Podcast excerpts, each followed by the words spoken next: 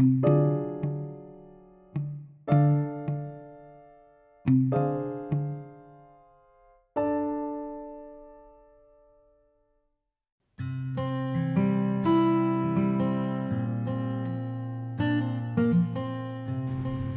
ini merupakan pagi yang biasa saja menurutku.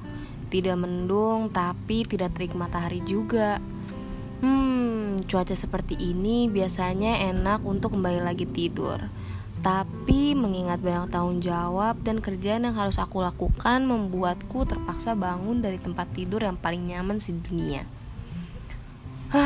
Kembali lagi ke rutinitasku yang membuatku jenuh tanpa termotivasi. Tapi tetap aku harus lakuin nih sobat healers. Nah, zaman sekarang kesehatan mental sudah sangat harus diperhatikan, tidak memandang umur atau orang. Sebelumnya aku mau jelasin apa sih kesehatan mental itu.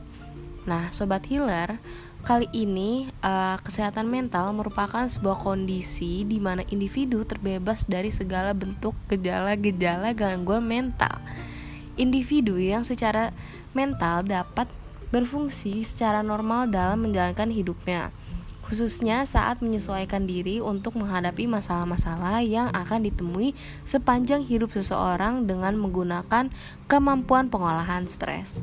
Jadi, kesehatan mental merupakan hal penting yang harus diperhatikan selayaknya kesehatan fisik gitu. Dan diketahui juga bahwa kondisi kestabilan kesehatan mental dan fisik saling mempengaruhi nih. Selanjutnya, gangguan kesehatan mental bukanlah sebuah keluhan yang hanya diperoleh dari garis keturunan saja, tapi tuntutan hidup yang berdampak pada stres berlebih akan berdampak pada gangguan kesehatan mental yang lebih buruk nih, sobat healers. Oke, okay, sobat healers, kali ini uh, aku nggak sendiri. Kali ini aku kedatangan gestar yaitu dengan kakak yang berinisial Zik. Nah, kita berdua ingin sharing cerita ke sobat healers tentang zona nyaman yang aku sama kakak ini alami. Jadi, aku sedang berada di zona nyaman aku itu yang membuat aku tidak ada motivasi untuk ngapa-ngapain. Apa yang harus aku lakukan dan kerjaannya itu-itu saja. Zona nyaman yang aku bawakan ini tentang masalah kehidupan, terutama untuk mengerjakan tugas kuliah, kegiatan setiap hari. Hmm, aku itu kayak makan, tidur, buka laptop, tapi aku hanya buka laptop saja. Seketika uh, bingung gitu loh aku kalau misalnya udah buka laptop. Padahal tugas tuh numpuk gitu kan. Jadi selanjutnya kita langsung aja yuk ke sesi selanjutnya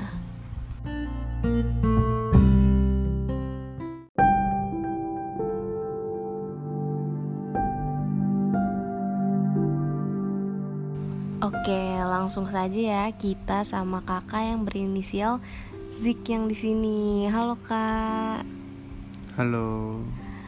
Oke, jadi gimana nih kak?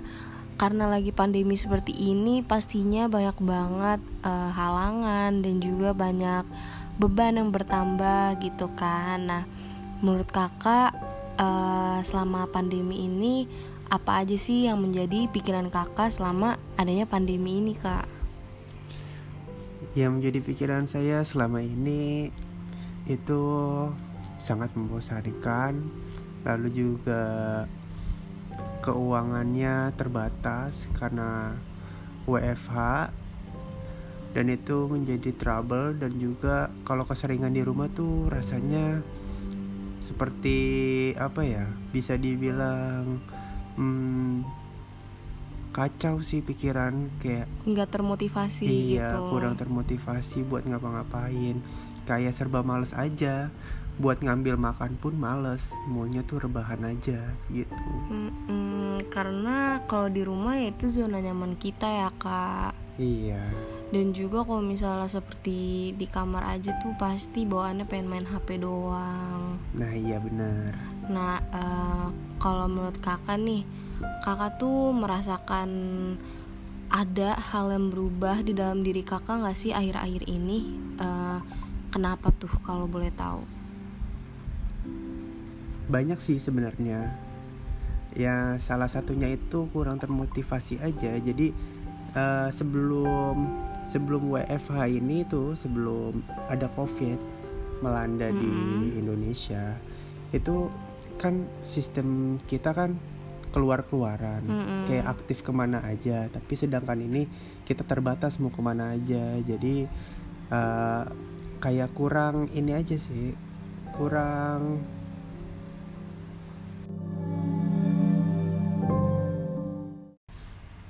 jadi kurang bebas aja gitu Hmm, iya iya.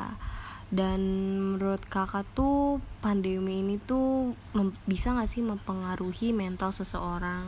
bisa banget menurut saya bisa banget karena saya pun terpengaruh mental saya karena keseringan di rumah jarang ketemu teman-teman jadi kayak Kesehariannya tuh itu itu aja. iya kesehariannya itu itu aja Pasti bosen juga ya. buat pikiran tuh jadi apa ya hmm,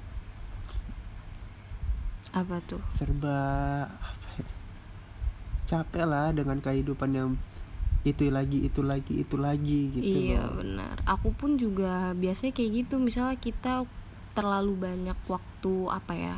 Waktu luang gitu misalnya Mm-mm. kan karena kita kan pasti di rumah terus. Belum lagi kalau misalnya kita kuliah pun juga online gitu Iya. kan. Beda dengan kuliah offline. Kuliah offline kan kita pasti keluar-keluar dan juga bisa bertanya langsung Iya, ke lapangan langsung gitu Iya. kan. Sedangkan kalau di rumah banyak waktu luang, jadinya kalau aku sih lebih eh menggampangi tugas-tugas gitu loh. Jadi mikir kayak ah besok bisa dikerjain, ah gini gini gini. Padahal sebenarnya udah mepet gitu deadline-nya, tapi karena banyak waktu luang jadi kesannya kayak ya masih punya banyak waktu gitu. Padahal kalau dipikir-pikir pun ya ternyata em,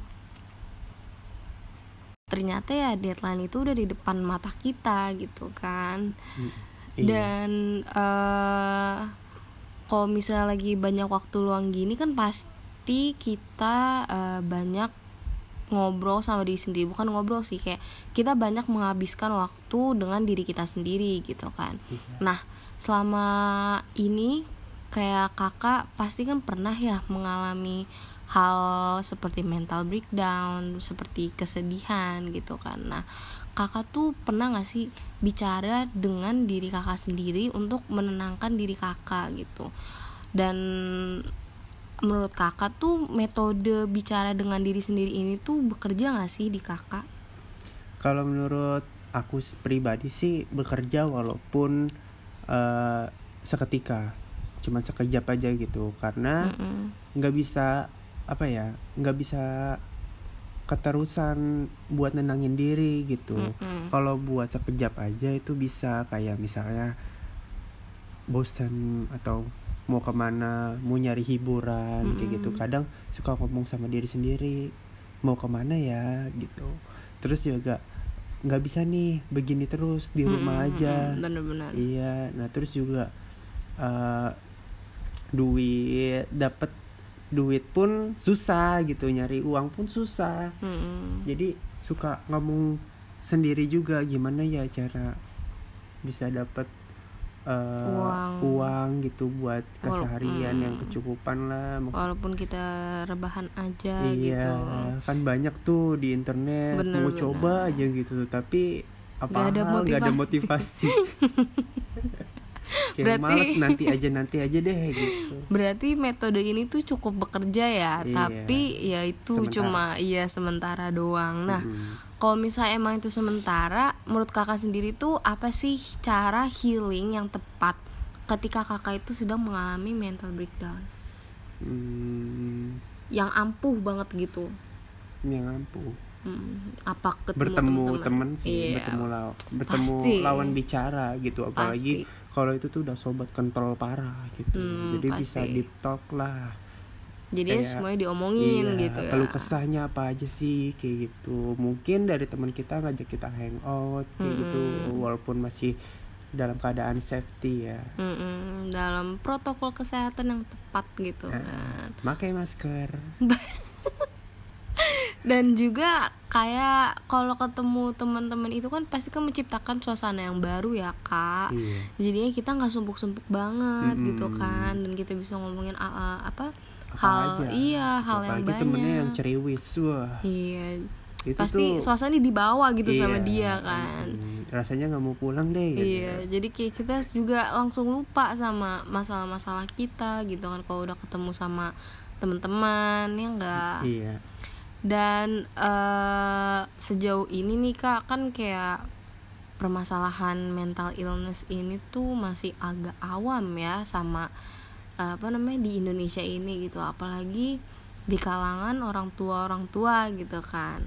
Rata-rata kan kayak orang tua itu suka meremehkan mental anaknya sendiri gitu kan. Misalnya kita lagi sedih tapi mereka cuma kayak nyuruh halnya yang lain gitu. Tapi mereka nggak ada usaha buat mendekatkan diri sebagai orang tua gitu kan. Nah menurut kakak nih kesehatan mental itu harus diprioritaskan lebih banyak di Indonesia nggak sih ya tentu saja diprioritaskan lebih banyak Mm-mm. nah Kayak sebenarnya bisa juga Mm. hmm, para pemerintah mungkin atau organisasi organisasi gitu kayak lebih ini ya apa ya mm, speak up lah Iya, benar-benar. tentang apa aja sih yang dialami anak-anak sekarang Benar, gitu benar. tentunya mereka tuh pasti tahu lah apa yang kita alami karena yang eh, yang apa ya karena yang mentalnya breakdown itu bukan hanya satu dua atau ratusan orang Tapi banyak, semua orang, iya, semua ribuan orang. mungkin ratusan dan semua orang juga butuh pundak orang gitu kan Iya. buat apa namanya buat bersandar gitu kan. Iya. contohnya seperti podcast rehat sejenak ini gitu kan. Jadinya kakaknya juga bisa sharing cerita ke kita kita ke sobat healer sekalian. Iya. nah sebagai masyarakat nih kak bagaimana sih eh, kita bisa meningkatkan kesadaran tentang kepentingan kesehatan mental di Indonesia? Kayak tadi kakak udah bilang. Hmm, menurut aku sih kayak kita lebih speak up aja atas apa yang kita rasain gitu, apa yang mental kita rasakan gitu. Mungkin mereka ada yang belum tahu.